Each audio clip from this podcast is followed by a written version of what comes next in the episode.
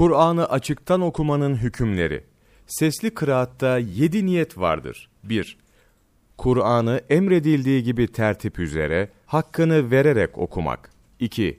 Kur'an okurken sesin güzelleştirilmesi. Nitekim Resulullah sallallahu aleyhi ve sellem bunu şöyle teşvik etmiştir.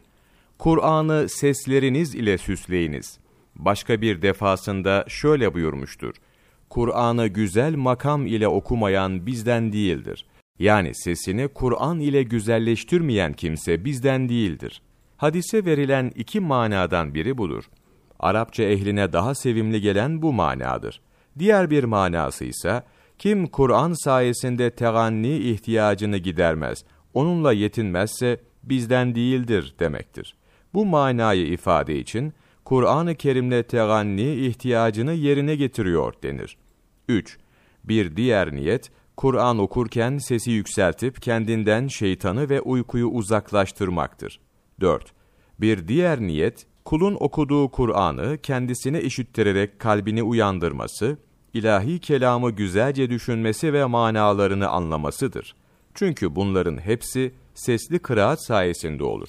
5. Yine sesli kıraat yapanın bir niyeti de, uyuyan insanları uyandırıp, Allah Celle Celaluhu'nu zikretmelerine ve geceyi ihya etmelerine sebep olmak olmalıdır. 6. Diğer bir niyette şudur, ibadetten yana gaflet ve tembellik içinde olanlar onu görsünler ve gece ibadetine ilgi duysunlar. Böylece sesli kıraat yapan, onlara iyilik ve takvada yardımcı olmuş olur. 7. Sesli kıraatla okuyuşunu daha fazla yapma imkanı vardır. Alıştığı usul üzere sesli kıraatla namazdaki kıyamını daha fazla uzatır. Bu kıraat sayesinde ameli daha fazla olur. Kul, sesli olarak Kur'an okurken bu anlattıklarımıza niyet etmelidir. Ebu Talib el-Mekki, Kutul Kulub, 7 Ekim Mevlana takvimi